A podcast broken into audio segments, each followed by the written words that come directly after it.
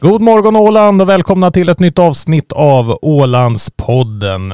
Mitt emot mig idag, för vi är faktiskt i studion, där står Daniel Dahlén. och jag heter Karl Löndahl. Jaha Daniel, ny vecka, nya tider och så vidare. Inte så mycket nya nyheter, men vi ska, väl, vi ska trycka in en hel del men vi idag hittar faktiskt. väl någonting nytt i alla fall va? Tror du inte Idag det? är det i alla fall sådana här riktiga, alltså det är många skitnyheter och det är ganska roligt Ja, att tala det. om Ja, faktiskt. absolut, det är ro... Och de där små nyheterna kan ju vara de roliga nyheterna egentligen. Står vi här och pratar, det är NATO-anslutningar och Ukraina-krig, men, men vi håller oss i de små nyheterna. Ja men det finns ju en annan podd för sådana jobbiga saker. Eh, jag var ju på intervju Mm. på Ålands Radio tidigare idag. Härligt. Och då frågade han ju vad är egentligen USPen med Ålandspodden eftersom den är så himla populär. Jag sa ju det. Jo men den enkla grejen är ju det att vi förmedlar ju ändå nyheter fast på ett väldigt lättsamt sätt. Mm. Och då tänkte jag i mitt huvud, jag hoppas inte han får för sig att det är så här förenklad svenska utan att det Utan det handlar väl om att man måste nå ut på lite olika sätt. Ja, vissa olika forum har olika liksom, målgrupper och, och liknande. Och det kan vara roligt att lyssna kanske lite på de här mindre nyheterna också som finns där ute men kanske bara fladdras förbi lite ibland. Egentligen är det väl Mm. de som är intressanta. Om man tittar Mm. på när man gör de här årssammanställningarna på vad folk läser så är folk relativt ointresserade av världslig politik. Ja, Men- ja, ja, absolut. Men på tal om världslig politik, eh, då plingar det till i telefonen här när jag är på väg upp Mm. för trapporna. Då står det så här, ledarna för Tyskland, Spanien och Portugal uppmanar fransmännen att rösta på Emmanuel Macron i helgens val, skriver de i en debattartikel. ja, det är... Vad hände där Det då? är anmärkningsvärt. Det- Det ska de inte göra. Nej. De ska inte lägga sig i ett annat lands val. Det är det- liksom, det är ju den gyllene regeln. Va? Låter som, lite som en rysk delegation där. Ja, som, nästan. Alltså, det där kan ju få helt motsatt effekt i, i värsta fall. Liksom. Jag tänker för Le Pen fick ju, Marine Le Pen fick ju också bannor av EU-kommissionen här då. Eh, för att, ja, vad var det, närmare 600 000 euro då som man tror har använts på fel sätt då. Mm. Ja, så har förskingrat mer eller mindre då. Så att det finns ju väldigt många sådana här saker som dyker upp. Jag tror att det är bättre att låta politiken få ha sin gång faktiskt. Och låta den tala. De hade ju Le Debatt här om kvällen. Så. Jo, Le Debat. Bjöd på baguette. Baguette, ja. Crème la crème. Ja men det har varit Mm. ett, eh, ett hittills väldigt eh, tight race. Alltså Mm. Macron har ju, ta, har ju tappat väldigt mycket på, jag tror att det är en Ålandspodden-effekt faktiskt. Du tror det? Ja men så här får man Ja. nog säga att vi har varit med och påverkat. Mm. För att eh, vi var ju nästan först ut att mynta vilken pajas mannen är som bara, som bara talar om och om igen med, med Putin Putin och det ingenting. säger nu har jag talat med, med Putin här i Ja. nio timmar och Ja. ja. men han är väldigt förståelse och jag, jag sa att det här är väldigt illa det, det du gör. och effekten Och då- av och det då har lyssnar varit Ja, han öppnar sitt bröst och visar sin håriga bringa. Sen kanske du har sett. Det var en av hans knep för att få till flera röster. Ja, men det är lite spännande ändå hela det här franska valet. För bara för några månader sedan så var ju, alltså, då var ju Marine Le Pen helt uträknad. Jo, så var det. Totalt uträknad. Mm. Nu står det senast i de här sammanvägda eh, opinionsundersökningarna, mätningarna ska jag säga, så låg de 55 procent för Macron och 44 för Le Pen. Exakt, i andra omgången. Då. I andra omgången, Ja, Exakt. Och i första omgången blev det ju väldigt mycket jämnare än vad det såg ut att bli för en månad sedan. Och tog igen ordentligt. Ja, på ett sätt. Å andra sidan så visar ju Macron ett bättre resultat än Sarkozy och Hollande- Hollande och alla de här tidigare presidenterna. Nej, nu håller vi på att nörda fast Mm. oss i det. Vi går Jo, vidare. de var ju pigga. Hur, hopp, de kan inte svenska så jag, får säga, får säga vad jag vill. Nej men Hollande, han måste ju vara från Åland. Ja. O- Okej, ja, det, det var en sjukt konstig koppling. Ja, eh, hur som helst, från och med idag har ju du bestämt att jag är ansvarig utgivare också, så nu kommer väl du bara ta Nu, i. nu äntligen. Ja, nu, nu kommer du bara ta i. Okej, nu är det dags för Ålandspoddens nyhetssvep. Det kommer här.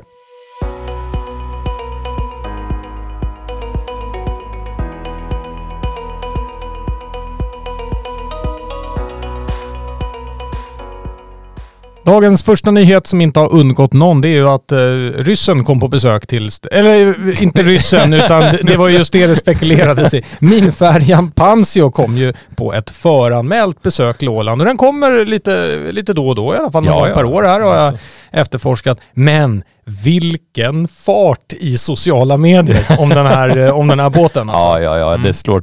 Ålänningarna är ganska bra på att spana efter militärfartyg överlag. Liksom. Det brukar komma Mm. direkt att nu är det någonting som händer. Kanske Mm. Åländarna har lite för lite att göra det, men det är en annan, det är en annan Ja, debatt. eller så är man väldigt stolt över demilitariseringen. Du ska inte vara sådär nu eller? Nej, så Nej. vad gör den här då? Ja, vad gör För en... att vi har, eftersom vi är demilitariserade har vi inget att putta bort den med. Nej, och vad gör ett minfartyg här nu då när NATO diskuteras som Man bäst? Man kan bara spekulera. Ja, det är väl, men det är som du säger, de brukar komma några gånger per år brukar det, och det finns en uppgjord årsplan för de här militära besöken. Så. Ja men det, det är klart också, Ja. måste ju eh, på något sätt, jag menar idag så är väl den tilltänkta attacken då om man skulle försöka ta Åland som är det enda området som inte försvaras i hela Norden, det är väl att tio ryssar och en gaffel som ska kliva av båten ungefär. Då, då har man liksom en, en god start. Mm, mm, ja, och å andra sidan då så körde ju ålänningarna ut dem 1809 med högaffelar, eh, de ryska soldaterna. Så det kanske inte behövs så mycket Du mer än gafflar att, du här. menar att eller? efter de egna eh, hade sprungit över isen tillbaka till, eh, till Sverige? Det var ju det, så var det, Ja. absolut. Men det var ju fredsförhandlingen sen som man faktiskt lyckades eh, rädda eh, Åland och så, och så vidare i alla, Mm. i alla dialoger och allting eh, fram och tillbaka. Ja. Eh, Så redan där och då så började ju tankarna på en, en egen plats. Ja, hur, hur kom vi till... Nej, nu förlåt. hamnar vi där igen. Ja, Min min pansar, är den fin eller? Det- ja, den har ju en, en vä- väldigt fin charm över sig som alla militärfartyg. ja, den. Bästa designpris tror jag inte gick till, till den i år i alla fall. Jag tror vi släpper det. Men va? hur som helst, till Mm. er som är oroade så är det alltså det är en finsk minsvepare som är, Ja, som är, här, absolut. På, eh, som är här på plats. Du, eh, den här otroligt duktiga Felicia Lindbäck då? Ja, här har vi en åländsk designer då, sömmerska, som har fått i uppdrag att, sy Petra Medes klänning eh, när Let's Dance hade Disney-tema. Eh, så det är ju lite ro- roligt. Eh, och vi som lever med småbarn så konstaterar ju också att det där var ju liksom lite hämtat ur Frost, den stora Disney-filmen där då. Ah, Eh, lite inspirerande där. Så. Men det är väl kul att det finns ju en del åländska designers som har lyckats ta sig fram på olika håll. Vi har ju Mina Palmqvist också som brukar nå framgång. Så det var ju kul att, eh, ja, det är som vanligt. Ålänningarna visar lite framfötter, eller hur? Ja men sen tycker jag att det bästa är att det är en ålänning, eh, nu säger i och för sig inte hon det utan det är i och för sig Annas tolkning som har skrivit artikeln men Mm. det blir inte billigt men hon satsar medvetet på hantverk och kvalitet. Aha. Men eh, det där gillar jag faktiskt. Det gillar du, ja. Jo men, men vadå, om vi bara ska leverera billiga produkter härifrån. I vissa hänseenden borde vi göra det. Man måste tänka Ja, ja, ja. skalbart. Man kan liksom inte ta ut ett, ett pris som passar i Monaco på alla varor. Nej. Men jag menar, skulle vi leverera billiga eh, varor skulle vi inte överleva. Nej, nej, nej. Och i hållbarhetens tecken så det är väl bra att det blir lite kvalitet också. En slit och släng. Så Mm. vad är det vi ska få se? Är det Let's Dance vi ska få se? Ja, vi ska se det Let's Dance Disney-tema där. Där, Mm. där är jag lite vilse för jag följer inte Let's Dance, men det kanske du gör. Eh, nej. Nej. Let's Dance kan jag då förklara. Det är alltså en tävling som kommer från USA från första början och Mhm. det går ut på att dansa. Ja, bra. Ja. Tack. Steg, steg och hoppa. Nej, det kanske inte är... Nej, det kanske är något annat. Nej, inte schottiskt. nej. Vi ber om ursäkt till alla som lyssnar nu som tänker nu är de helt eh, fullkomligt galna. Men nu vet vi också en person som har varit med, Petra Mede. Ja, tack för det. Ja. Ska vi gå till nästa Ja, nyhet då? det, det här. Minröjare och palettklänningar och all ära, men nu går vi vidare.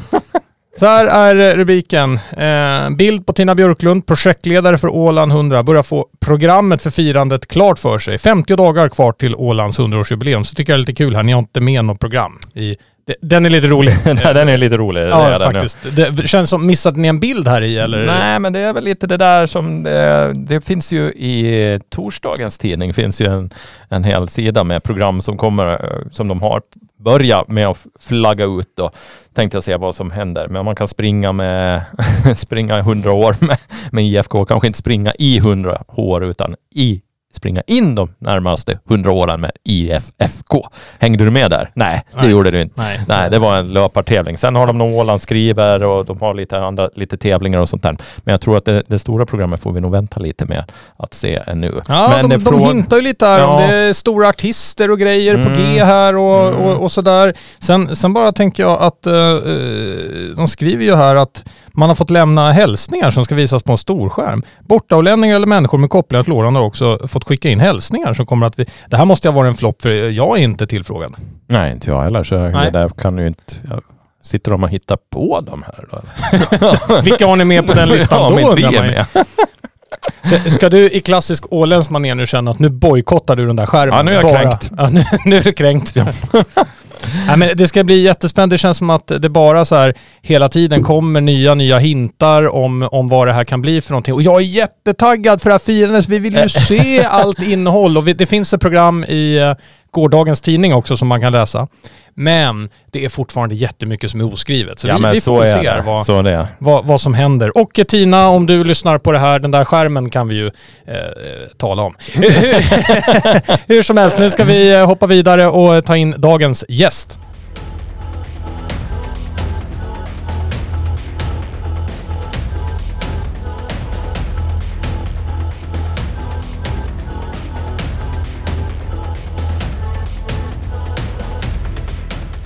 Ja, väl tillbaka i studion här så har vi redan som vanligt kört ett stort försnack som vi inte spelade in. Det var det bästa snacket. Ni får höra det näst bästa. Det vi har kommit överens om i alla fall är att dagens gäst ska hjälpa mig med sponsorer och vi har kommit fram till att Daniel Dahlén är gammal. Tack.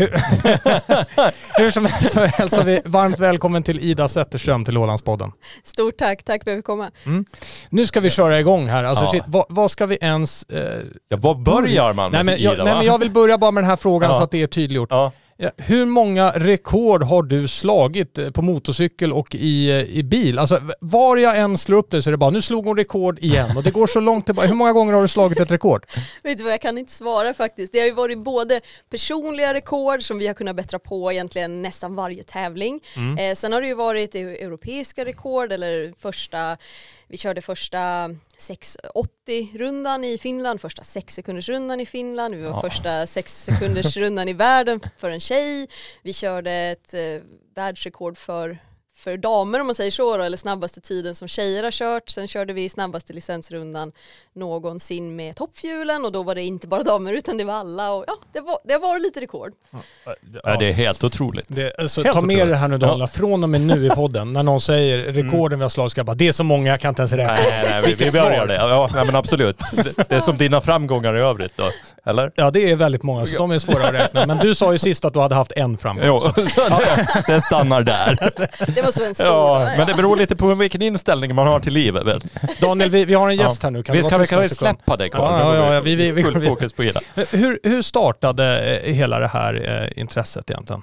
Mitt stora intresse för, för motorsport och dragracing startade egentligen med min familj. Att jag växte upp på banorna om man säger så. Men jag var väl tre veckor gammal när jag började vara på banorna för första gången. Min pappa körde och min pappa jobbade för andra team och min pappa har en bilverkstad där han ja, jobbar med att bygga racebilar och bygga motorer och har alltid jobbat med det. Så vi bodde i Sverige när jag växte upp och då hade han verkstaden där och nu har han en verkstad här på Åland och vi flyttade flytta hit.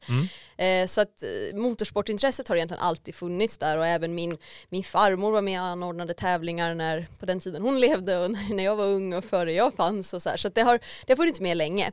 Och ja, hela familjen växte väl egentligen upp på så sätt på, på banan men det var väl jag som blev biten ordentligt om vi säger så. Min syster har alltid tyckt eh, tyckte att det var kul att titta och varit med så men inte velat sätta sig i förarsätet på samma sätt som jag alltid ville. Eh, så när jag var åtta då började jag köra första gången och då hade pappa byggt en bil åt mig eh, och då var det den klassen man fick börja köra från det Ja. när man var åtta. Så eh, då körde jag den tills jag var 12 och när jag var 12 fick man byta till en lite större bil. Så fick jag en ny bil med lite större motor och eh, tyckte att den skulle också kunna vara lite större då så att eh, år efter så bättrade vi på och köpte en ännu bättre bil där då. Och eh, höll på med det då tills jag var 16, då fick jag byta till en ännu större klass. Ja. Så då bytte vi upp till en klass där du kör med, ja, med en motor som har ungefär 1000 hästar istället för de här små som jag började med från första början när man var fem hästar, allra, allra minsta motorn. Det är som en liten gräsklipparmotor om man säger så. Eh, så då tog jag licens för den klassen och några år senare då så steg jag över till motorcykel. Men eh, är hela familjen fortfarande engagerad i liksom racingteam Ida Zetterström nu då? Ja, min mamma och min pappa och Mm. min sambo Kim är väldigt in, eh, Mm. involverade. Min syster hon kommer titta några gånger ibland men inte lika eh, involverad i dragracingen då, som, som vi var när vi var små allihopa.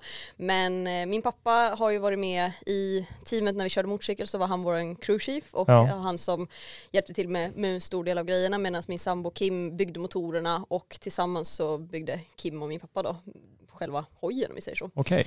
För det är ju väldigt mycket jobb som behövs bakom också. Ja det är det, det är tusentals timmar som, Ja. som folk inte ser. Att det är Ja, ju egentligen nej. det som är, när vi väl är på, på banan då på tävlingarna, då är ju det, det är ju game day men upp till, upp till Mm. game day så har det ju varit otroliga, ja otrolig mängd timmar i garaget om vi säger så.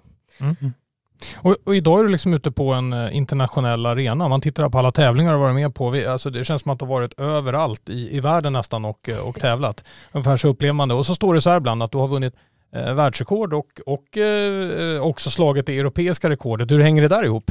Ja, egentligen var det så att eh, när vi pratar scenen här i Europa som vi kör Ja. på så är det alltid Europarekord, det är Europakörningar.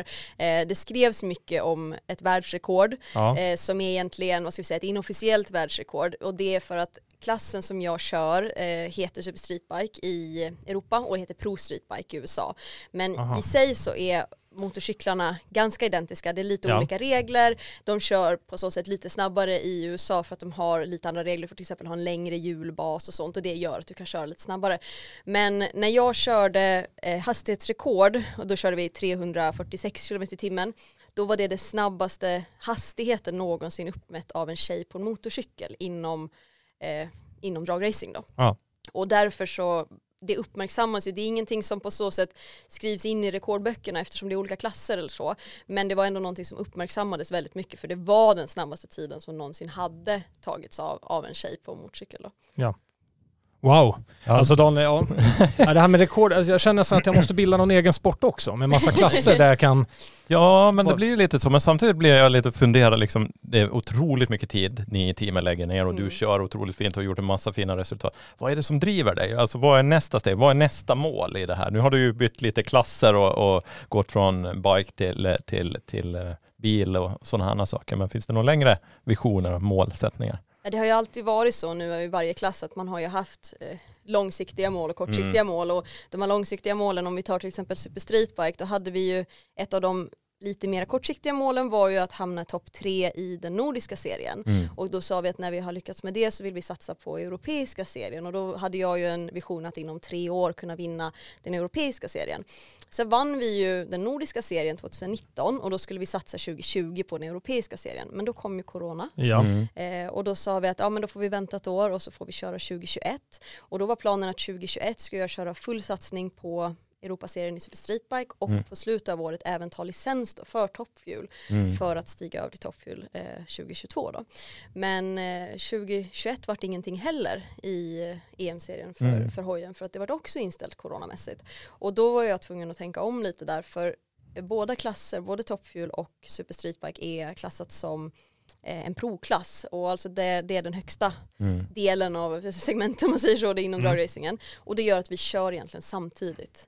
Eh, vi kör egentligen back to back efter varandra och då går det liksom inte att köra båda klasserna, man hinner inte med, det blir otroligt mycket jobb, det är otroligt mycket pengar som ska ut också. Men Ja. det är mer eller mindre omöjligt att hinna båda klasser. Och då var jag ju tvungen att välja och för mig är det ju så att eh, Även när jag har haft mina mål inom Super Streetbike så har alltid Topfuel funnits där liksom i horisonten Mm. att dit vill jag så småningom. För det har ju varit min dröm sedan jag, ja, sedan jag var tio år gammal. Eh, så att när jag började få in foten där och såg att det här är någonting vi kommer kunna göra möjligt, då vart det ju en helt ny typ av motivation. Jag har ju alltid haft motivation eftersom in, vi var ju inte färdiga om man säger på så sätt inom hojvärlden heller eftersom vi fortfarande hade mycket Mm. mål som vi ville slå. Men jag var ju tvungen att ändå se det på så sätt att det var inte normala förhållanden. Vi fick inte köra om det här serien som vi hade velat på grund av att corona kom.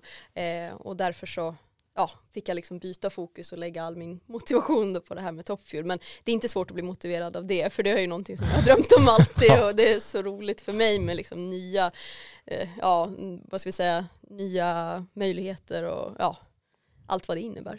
Nu, nu kommer jag in här i bilden som har inte riktigt lika mycket erfarenhet av eh, bilsport och så vidare som Daniel som har varit någon typ av ordförande i motorsport här på Nej, Eller det var, tidigare. nu börjar det fabriceras både det ena och det andra här.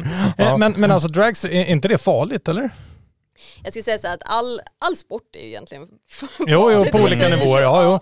Men eh, dragracingen är ju otroligt säker. Att jag skulle säga dragster, där känner jag mig egentligen mer säker än vad jag gjorde på motorcykeln. Eftersom på motorcykeln så är det ju så himla oskyddad. Exponerad. Du, Ja. ja, du sitter Ja. ju verkligen liksom, händer det någonting, att du krockar med någonting eller att du ramlar av, du är ju verkligen helt oskyddad. Du har ju hjälmen såklart och ditt läderställ, men that's it.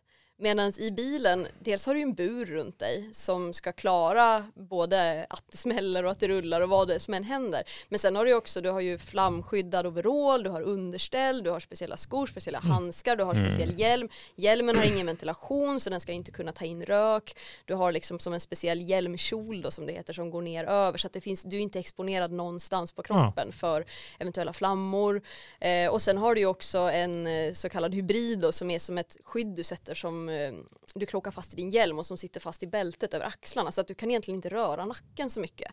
Utan eh, nacken ska vara Fixerad nästan. fixerad. Ja. Exakt. Så, att, så, så skyddad som du är där är väldigt svårt att hitta i, i någon annan sport. Och ja, dragracingen i sig är ju väldigt säker. Jag har ju tränat gymnastik i många år. Och du vet fingrar ur led och en diskbrock i nacken och Ja, du ja, ja, lite allt möjligt sånt där. Men, men ingenting sånt eh, inom dragracingen. Det är ju nog så att händer någonting så är det klart att det kan gå väldigt illa men, men för det allra mesta är det väldigt säkert. Men om vi tar känslan på motorcykeln när du sitter här, för det har jag tänkt på när man tittar på Formel 1 och grejer, att man Mm. förstår att ja, du måste ju ha någon typ av säkerhetstänk. Men du får inte heller bli för försiktig eller? För att du måste ju Mm. fokusera hela tiden på den här vinsten, ta det här lilla, lilla extra. Hur är den Exakt. känslan när man sitter här? Ja det är ju så, du ska, du ska ha respekt för det du kör men du får ju aldrig vara rädd. Mm. För problemet är ju det, eh, jag brukar jämföra det ibland med när vi körde motocross. Mm. Eh, Det är ju någonting som många kan relatera till kanske eh, på ett annat sätt än, än dragracing. Där är det ju så att kör du, om du är rädd för att ramla, att du kör lite försiktigt, du har lite halvgas och så här, då ska du ge dig fan på att du ramlar. Det gör Ja, du. ja. Men när du börjar hålla fullt och du börjar lita på det du gör, då, då reder det oftast upp sig själv. Ja. Och det är lite så det funkar med det mesta. Du måste lita på att grejerna du har eh, ska göra det de gör och att det funkar så bra du kan. Och du måste lita på din egen intuition att, att om jag gör det här på det sättet jag tror att det är bäst, då går det bra. Eh, sen är det så att det är klart att någon gång så kanske man gör bort sig och man märker efteråt att ja men så där skulle jag inte ha gjort eller jag skulle reagera annorlunda. Men då får man bara ta det till sig att ja men då har jag lärt mig, då känner jag igen den känslan att då ska jag göra så här nästa gång det händer eller så. Men har du någonsin då haft känslan när det har gått dåligt att så här, hmm, det här slog sig faktiskt ordentligt mentalt för mig nu på efterhand. Liksom. Jag måste ladda om för det här. Det har alltid bara varit, ja ja, något ben hit eller dit. Vad sa du, någon kota som hade gått i led och bara nej, jag, jag bara kör Nu på. biter vi ihop. Nej men det är klart att eh, man måste jobba väldigt mycket på den mentala biten och det är ju någonting som, som många frågar att vad jobbar du mest på? Är det liksom det fysiska eller det mentala? Och det, det är ju det mentala egentligen som är din största styrka för när någonting händer eh, då måste du kunna lägga det åt sidan och Mm. fokusera och jag hade ju i 2018 så kraschade ju min sambo, han körde i samma klass som mig Ja. vi körde båda motorcykel, han körde framför mig eh, och kraschade ordentligt, hade en jättejobbig krasch. Eh, och det, det såg väldigt hemskt ut. Vi bakifrån såg ju inte exakt vad som hände Nej. men det var bara Mm. sådär att man hörde folk bredvid som sa ah, men det där kan ingen ha överlevt och det där var inget bra och så här. Och jag fick ju inte gå fram utan jag fick ju, de höll ju fast mig liksom på plattan att Mm. jag fick Ja. inte gå dit. Och jag ville ju bara veta om han hade överlevt liksom. Ja. Och då sa de ju bara men det kan vi inte bekräfta ännu, du får vänta liksom. Och det var ju väldigt Oj, oj. jobbigt mentalt. Mm. Ja. Eh, så då medan han, han bröt lårbenshalsen på två ställen då och så bröt han eh, ja, höft, höften och, och, och lårbenet då. Så eh, han opererades på kvällen och då diskuterade vi lite att jag jag tänkte att det är nog bäst för mig om jag åker tillbaka dagen efter och kör direkt för att annars Ja. Mm. så kommer jag ju måste vänta en månad ungefär tills Mm. nästa tävling och de ringde och, och väckte mig då när han kom ut från, från eh, operationen så jag fick Ja. komma dit på natten och då pratade jag med honom också han sa samma sak att, att han hade tänkt på samma sak att det är nog bäst att jag åker och kör Mm. eh, och det är klart att då då var det ju mentalt jobbigt liksom efter att man sett det och allt sånt där. Att det, Ja. Jag körde inte inom tävling utan jag lämnade en så kallad walkover då och så körde jag bara utom tävlan för att få känslan då för Ja. motorcykeln. Mm. Eh, men där var ju en sån sak som var väldigt viktig för mig själv liksom mentalt att, att eh, klara det. Eh, men sen, det gick ju jättebra att vi, man får ju bara ge sig fan på att nej men det är, ingen, det är ingen skillnad på min motorcykel mot vad den var igår. Jag vet, det är ingen skillnad på min körteknik och allting och, och han körde inte heller omkull på grund av någonting han gjorde utan det kom en stor vindpust. Ja. Och det är ju sådär, Mm. det, är inget, det är inget vi någon hade kunnat gjort åt det. Nej. Så att det är bara att göra samma sak som man alltid har gjort liksom. Mm. Och då gjorde vi det och då, vi satt faktiskt personbästa igen då. Såklart. Den rundan. och, och det var ju mentalt jätteskönt. Sen har jag ju haft några gånger igen efter det där att jag har kört av banan och behövt liksom köra rundan efter och att det mentalt har varit lite jobbigt och så här. Att, men då kan man ju alltid återkomma till det här att ja men vi har gjort det här förut och vi vet att det fortfarande det är ingen skillnad på att göra det idag mot vad vi gjorde det igår utan det är bara att upp igen liksom. Från det ena till det andra, du har ju också ett eh, marknadsföringsbolag som heter Ida Zetterström Creative. Jobbar du bara med ditt egna varumärke där eller hjälper du även sådana här, du vet det mest framgångsrika poddparet? eller hur? är- Ja men jag skulle kunna ha lite nya kunder. Ja. ja, nej men det är inte bara för mig själv utan eh, jag gör ju jättemycket genom, av min racing genom mitt företag också eftersom eh, själva marknadsföringen för min racing och jobba med mina samarbetspartners eller så kallade sponsorer då, det är ju en av de största delarna i min racing. Eh, men sen har jag också andra kunder. Jag har Mm. lite företag här på Åland som jag hjälper med både social media, bygger hemsidor, eh, ja, hjälper till med diverse marknadsföringsdelar då, som de behöver. Och sen har jag också hjälpt lite andra racare som har hört av sig och vill ha lite hjälp med att komma igång med sin social media och hur de ska tänka och hur, hur man ska göra med sånt då. Så nej, jag har, jag har nog heltidsjobb. Så, Ja. så, Så det fanns inte plats för dig Karl? Nej, men jag, Ja, det- det det. det ska inte vara sådana. Jag tänkte att mer, lite. vi kan ju bara ha en enkel konsultation i det enda vi saknar och det är rekord. Ja men vi löser det, vi fixar nog rekord till det. Ja, det finns alltid någonting man kan Ja. bli bäst på. Ja, det här är ju otroligt roligt att ha dig här Ida. Du är nog en av Ålands främsta idrottare, i alla fall för tillfället va? Med många priser och sådär. Eh, jag tänkte bara säga, ren åländska, blir det några pengar i det här då? Ja, nu kom Nu den. det, En fråga skulle. Daniel ställa. då. Det var pengafrågan. Ja. Skämt åsido, jag tänker... Jo, nej. Jo, nej. Jo, jo, nej. Precis. Nej, men skämt åsido, är det liksom i USA den stora målbilden här? Jag tänkte pengar, men det är USA dit du vill komma längre fram? Ja, det är ju så att eh, racingen här i Europa är otroligt bra och otroligt stark. Det finns Mm. starka team, stark, ja, star- bra banor och allting. Mm. Men vi har ju så otroligt kort säsong. Mm. Och det finns väldigt, väldigt lite pengar i det. Eh, det är egentligen så att jag tjänar ju inga pengar på att köra utan det är mera så att jag lägger in varenda öre och cent Mm. jag själv har för att göra det här. Och det är ju för att det är min passion som jag gör det. Skulle jag inte brinna så starkt för det så skulle man ju inte lägga in allt man äger Mm. Nej, självklart. självklart. i det här men jag, jag gör ju verkligen det och sen Mm. eh, det är ju så att här i Europa det finns liksom inte samma marknadsföringsmässiga del eh, från, hur ska vi säga, från arrangörerna som det finns i USA utan här är det så att du måste egentligen själv ja, create det, det mesta av, Mm. eh, av marknadsföringen. Och det är därför jag behöver jobba så otroligt mycket med Mm. det för att liksom få ut namnet och få ut eh, synlighet för mina samarbetspartners och allting. Medan i USA jobbar de på ett lite annat sätt. De tar ju inte bara in samarbetspartners för teamen utan också för själva serien och jobbar ju med det på stort så att man gör mer som en gemensam grej där de också marknadsför förarna. Medan här blir det ju mer att jag Är det du jag själv som marknadsför mig Ja. själv. Och skulle man ha tillräckligt med pengar så skulle jag ju kunna anställa någon som hjälper mig med det här. Men jag Mm. har ju inte den budgeten utan då blir det ju att jag gör allting själv. Mm. Mm. Och eftersom jag också måste jobba heltid för att kunna dra in pengar så att jag Mm. på något sätt ska överleva så blir det ju otroligt tidskrävande och ja, självklart jag skulle ju kanske ägna ännu mera tid till att träna, känna mig att jag Mm. är i min bästa form. Nu har jag ju faktiskt fått hjälp då och liksom komma i, ja, få mycket grejer jag kan göra hemifrån och sånt här så att Mm. jag inte ska känna mig att jag är helt bakom när jag kommer till en tävling men det finns ju mycket grejer som jag skulle vilja lägga mer fokus på Mm. men som inte har prio ett just nu. Men kul. Ja, vad ska vi säga, varmt lycka till med alla satsningar fortsättningsvis Ida. Eh, härligt, vi hejar stenhårt. Stort tack.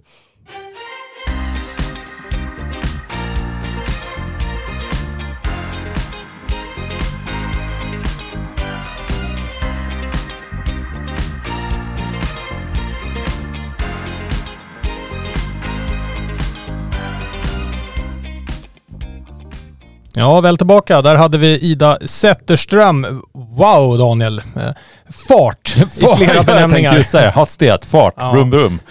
Ja, det, det är coolt. Jag, jag tyckte det här hon nämnde om, eh, om just det mentala. eh, Mm. känner jag mig väldigt mycket in. Lå- Låter som man står och slår sig själv för, för bröstet här bara med vad man tycker om det. Men jag resonerar ju på exakt samma men det- sätt. Jag, är liksom, så jag låter ingenting krossa mitt självförtroende. Det är, Nej men det är på ett igen bara, på Ja. ett igen. Så eh, ja, det där tycker jag var väldigt eh, coolt att höra. Men hörni nu, kära lyssnare, nu ska vi rulla vidare med dagens program. Och då är det så här att Daniel, han har valt ut ett socialt mediaklipp som har verkligen gått viralt. det är från, eh, från TikTok. Eh, och det är en Christian Singalong on EasyJet Flight Divides Opinion. Eh, och det är en ganska rolig bild. Vi får nog nästan lägga ut en vi- länk till den här i texten. nästan göra det. Ja. ja. Eh, men ehm, det, det ser ganska roligt ut för det står en man med gitarr mitt i lokalen och sjunger några kristna sånger och han som är närmast på bilden som sitter på, alltså han ser så ledsen ut. Det ser, ser ut som att eh, Jesus har lämnat honom, eller Gud har lämnat honom. Ledsen, jag tycker han ser ut som han skulle kunna dräpa någon nästan. Han ser ut som en militär där det har gått snett. Ja, helt, helt, helt rätt ju. Ja, men det är ganska amerikanskt på något sätt, hela det där klippet. Jag tycker det är lite roligt. Ja, det, det får man nog säga. Mm. Ja, shit, det är i alla fall det är dagens eh, delningsbild i alla fall. Och den, den kan vi väl återkomma till. Men ska vi hoppa lite till eh, evenemangen då som Ja, vi, som vi har i göra det. helgen? Det är väl inget Målan 100 då för att det... Ja. Nej, det vet vi inte så Nej, det, det vet vi exakt. Det bara dyker upp. Så man, Ja. man, man har ingen aning. Okej, helgen i alla fall. Den ska i alla fall starta med att eh, vi har en uppmaning att alla ska plocka skräp på miljödagen. Det är Lions Åland. Och det tycker jag är lite kul det här med Lions. För att Mm. Lions i Sverige, det är en sån här sak man fick berätta för sig när man var liten att på 60-talet fanns en Mm. organisation som hette Lions som vet man, man aldrig fattat vadå? Alltså lejon? Lejon alltså, vad, ja. vad stod de här för? Ja. Det visste man inte riktigt men de Nej. gjorde jättemycket olika saker. Ja. Men Åland, som vanligt, Vanligt. välkomna tillbaka i tiden. Här finns Lions fortfarande och de är starka. Då, eller? ja men absolut, och de gör ju väldigt my- mycket sådana här saker, insatser i det lokalsamhället. Och det är ju på måndag då som arrangerar de sin årliga miljödag för tionde gången. Och, och där är det då att man ska hjälpa till att plocka sopor och skräp i sin närhet. Och eh, i Mariehamn då så finns det en handfull containrar dit man kan föra allt det upplockade skräpet då. Och sen då att man ska sortera som vanligt då för sig. Men det här är ju en jättebra grej. Det, oavsett hur försiktig man är så kommer det ju skräp ut i natur och miljö. Så det är väl bra om vi kan hjälpa till att plocka upp lite. Ja, Och du kommer ju absolut att göra det. absolut. Eh, Men jag ska försöka, ett tips är att inte ha med sig Milton. För nu har till och med mormor sagt så här att nu har jag redit upp hela dagen, men det är ju stökigare än när jag startar. Man bara, så är det att bo med Milton faktiskt. Så, så är det att bo med honom. Det Ja, honom. ja, det är bra det. Det är bra det. Nej men det är klart att vi alla ska hjälpas åt. På måndag sa du? På måndag. Yes. Men du, eh, idag på min födelsedag, då arrangerar man havsöringsträff Mm. eh, på, på Åland. Och det är även imorgon. Eh, jag är mest intresserad av den här After Fish.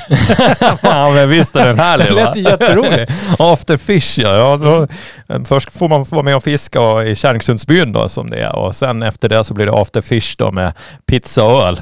Eh, jag vet inte, det är någonting som lockar. Både fiske, pizza och öl alltså. Eller alla tre. Det är ju en otroligt fin kombo. Det här med havsöringsfiske börjar ju bli ganska stort på Åland alltså. Det är mycket, mycket trollingträffar och liknande så det här är ju jättekul. Eh, har du fiskat öring någon gång? Eh, jag har fått en öring en gång. Jag har inte fiskat efter en öring. Nej men vi, alltså vi fiskade, alltså, du kan ju tänka dig eh, ungefär hur, hur bra jag fungerar med fiske. Mm, det kan jag tänka mig. För jag är ju en person som är välkänd för mitt otroliga tålamod att sitta Mm. still. Ja, absolut. Du kan sitta och, Mm. Ja, absolut, still och fundera och, Ja. och sådär. Och vara tyst framförallt. Ja, eftertänksam och Ja. tyst. Eh, men vi, vi fiskade eh, ganska mycket när jag var eh, riktigt liten, men då var det framförallt att leta upp de riktigt stora så här, eh, strömmingstimmen liksom, när, när Mm. de kom. Så passade vi på att, liksom, att dra på det. Sen har jag fiskat abborre och liksom allt sånt eh, naturligtvis. Men mitt tålamod var ju oftast att när de väl hade fått fram spö och allting så gjorde jag ju tre kast och bara det här var ju lönlöst. Sen fick det jag går vidare i livet. Men eh, ja, jag har faktiskt fått en, eh, en öring en gång och eh, min pappa han gjorde ju lite kaos där ute i skärgården faktiskt för att han lyckades ju andra gången han var på besök där uppe, eh, där ute eh, i Stockholms skärgård så drog ju den jäveln upp en lax. Vad tror du de andra tyckte om det då där ute? Ja, här kommer en där jäkla kommer en innerstadsbon och ja, ja, ja, ja. Såklart. Och då vart han inte poppis.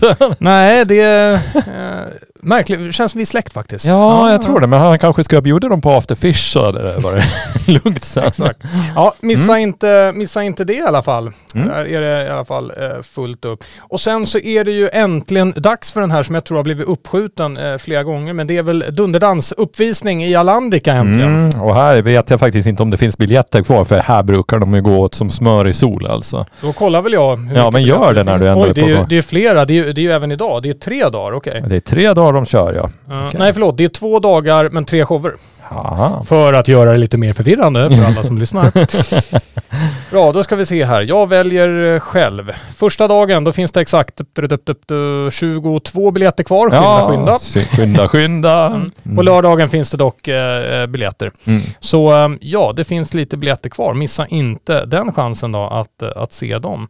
Sen så är det temaguidning också va Daniel? Ja men det är temaguidning och kulturhistoriska har ju väldigt många temaguidningar nu och för den historieintresserad så, så är det faktiskt ganska fina guidningar.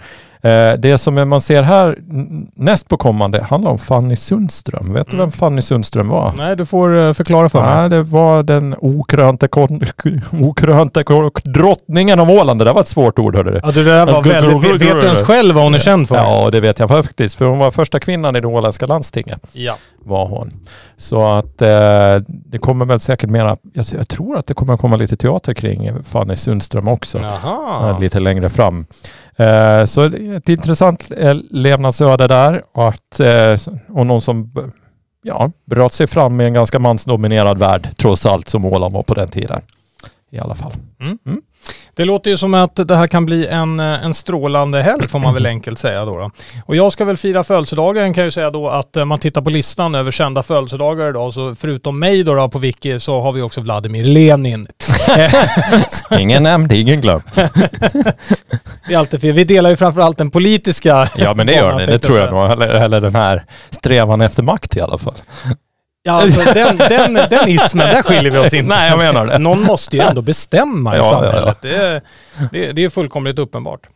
Ja, med det sagt så kommer vi att avrunda eh, dagens podd. Det har varit extremt kul. Eh, mötet med Ida Zetterström var extremt eh, inspirerande får man väl säga. Ja men absolut. Vilken tjej. Eh, stor idrottskvinna. Japp, det är det verkligen. Och då Daniel, är det dags för dig att säga de avslutande orden idag. Grattis! Ja, tack. Det var, var min födelsedag nu. ja. Det var för att Ja. du inte kan komma på, du har aldrig lyssnat på podden så du vet inte vad vi säger Nej, jag är totalt ointresserad. Ja. Då säger vi tack och hej från den numera 34-årige Karl Lönndahl och 44-åringen Dahlén. ja, lite, lite äldre. Men det hörde ni tidigare också. Ja, trevlig helg på er.